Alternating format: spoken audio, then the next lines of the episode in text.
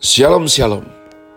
Saat saudara mendengarkan suara saya lagi Pendeta Caleb Hofer Bintoro Rupa-rupanya Kita sudah berada di penghujung bulan Januari ini Yakni tanggal 31 Januari hari Minggu 2021 Ingat umat Tuhan Ingatkan jiwamu terus Ingatkan keluargamu.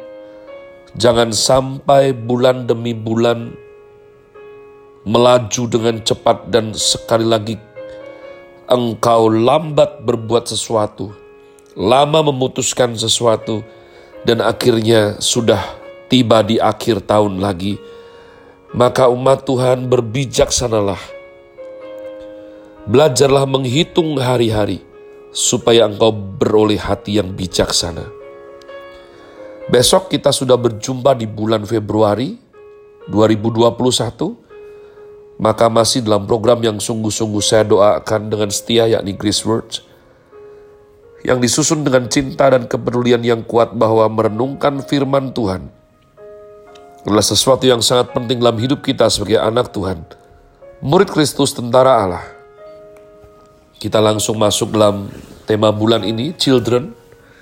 Ya, di season spring, umat Tuhan Grace Word hari ini saya berikan judul awal hikmat bagian yang ke-8.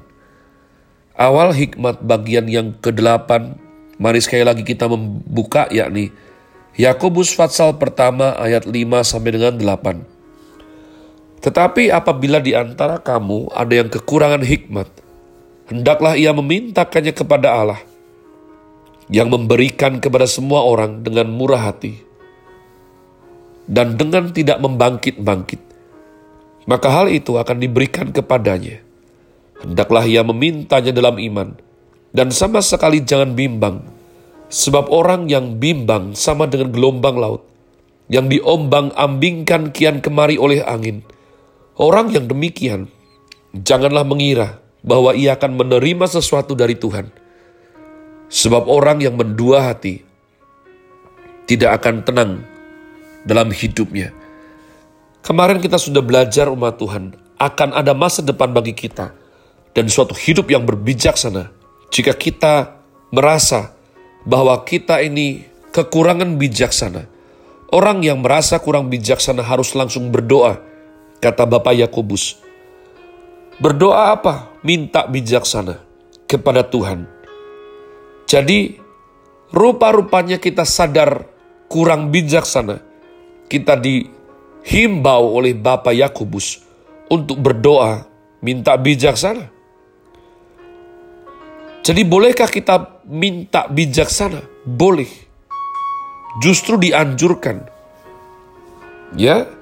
Adakah catatan kitab suci tentang orang yang minta bijaksana? Ada. Perjanjian lama. Yakni Raja Salomo. Pertanyaan yang menarik. Apakah Raja Salomo kurang bijaksana? Tidak. Lalu kenapa ia minta bijaksana? Perhatikan, sebab orang bijaksana adalah orang yang sadar dirinya masih kurang bijaksana. Orang bodoh merasa dirinya sudah cukup bijaksana umat Tuhan. Sehingga dia akan terus berjalan dalam kebodohannya. Makanya orang pintar sama sok pintar itu beda. Pintar itu punyanya orang bijaksana. Sok pintar itu punyanya orang bodoh sama Tuhan. Jadi Raja Salomo ya bukan orang bodoh. Raja Salomo orang cerdas, bijaksana. Tapi beliau rasa masih kurang. Maka seolah-olah walaupun terpaut ribuan tahun, dia mengerjakan instruksi melalui Bapak Yakobus. Dia merasa kurang bijaksana, dia berdoa pada Tuhan, minta bijaksana. Satu Raja-Raja 3, ayat 5 sampai dengan 12. Ya, pray is to express your will before God. Tuhan, aku masih muda.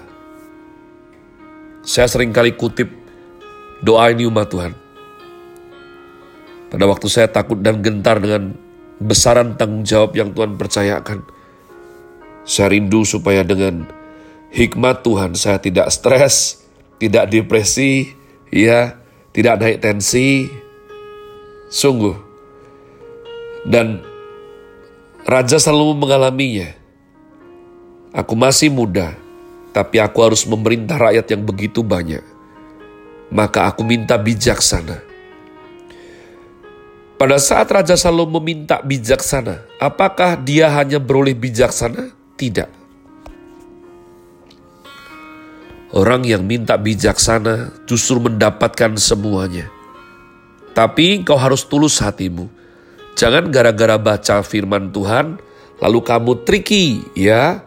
Oh, seperti itu caranya. Jadi sebetulnya kamu mau minta uang, kamu minta kekuasaan yang hebat, tapi kalau karena kamu dangkal baca Raja Salomo berdoa, kau bilang Tuhan, aku minta bijaksana. Tuhan menilik hati umat Tuhan. Tuhan selalu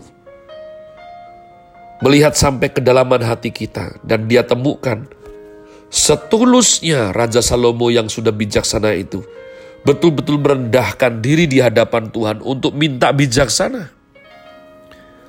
Maka Tuhan karuniakan justru Salomo dapat semuanya. Karena bijaksana lebih penting daripada yang lain.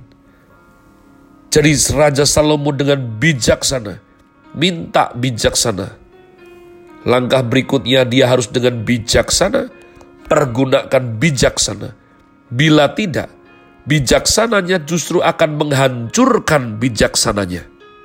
Saya berdoa saudara mengerti ya. Bijaksana yang menghancurkan adalah bijaksana yang tidak dilandaskan lagi atas takut akan Tuhan. Jadi inilah ranah bijaksana duniawi. Riwayat Raja Salomo adalah pengajaran yang sangat berharga.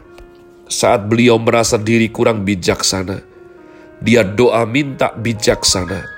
Saat merasa diri sudah cukup bijaksana, beliau justru menghancurkan bijaksana yang sudah Tuhan karuniakan. Maka marilah kita membacanya dengan rendah hati. Tuhan, orang yang kurang bijak itu adalah aku, bukan orang lain. Itu aku. Dan aku berdoa sebagaimana diajarkan oleh kakak rohaniku, yakni Rasul Yakobus. Ya, berikanlah bijaksana dalam hidupku. Dengan sikap apa kita minta bijaksana? Dengan iman kita berdoa. Jadi, ini adalah prinsip dari semua doa kita. Karena bagian ini khusus berbicara tentang doa minta bijaksana. Ingat, iman bukan self-confidence in psychology. Aku beriman, Tuhan pasti sungkan kalau aku minta terus, Tuhan pasti sungkan lalu kabulkan. Umat Tuhan, Tuhan itu Tuhan. Ya, jangan seperti itu. Siapa kamu? Berdoalah sesuai firman Tuhan. Jadi jangan mengatur atau memaksa Tuhan mengerjakan sesuatu sesuai keinginan manusia. Itu tidak mungkin terjadi. Allah adalah Allah yang berdaulat, rencananya tidak bisa diganggu gugat. Bahkan jika engkau berdoa dan tidak sesuai firman Tuhan namun terkabul harus hati-hati. Ya harus hati-hati sebab jangan-jangan bukan Tuhan yang mengabulkannya. Saya berdoa sungguh-sungguh supaya saudara mengerti kebenaran firman Tuhan ini dan setelah engkau berdoa minta bijaksana, engkau harus membaca firman bijaksana. Sebab rangkaian firman yang sudah engkau baca itu, itu akan mengelola hatimu. Itu akan mengerjakan bijaksana dalam jiwamu. Sehingga kita sungguh-sungguh beroleh hikmat yang daripada Tuhan untuk menghadapi semuanya yang tidak tak terkelakkan lagi harus kita hadapi Happy Sunday. Tuhan Yesus memberkati saudara sekalian. Sola. Grazie.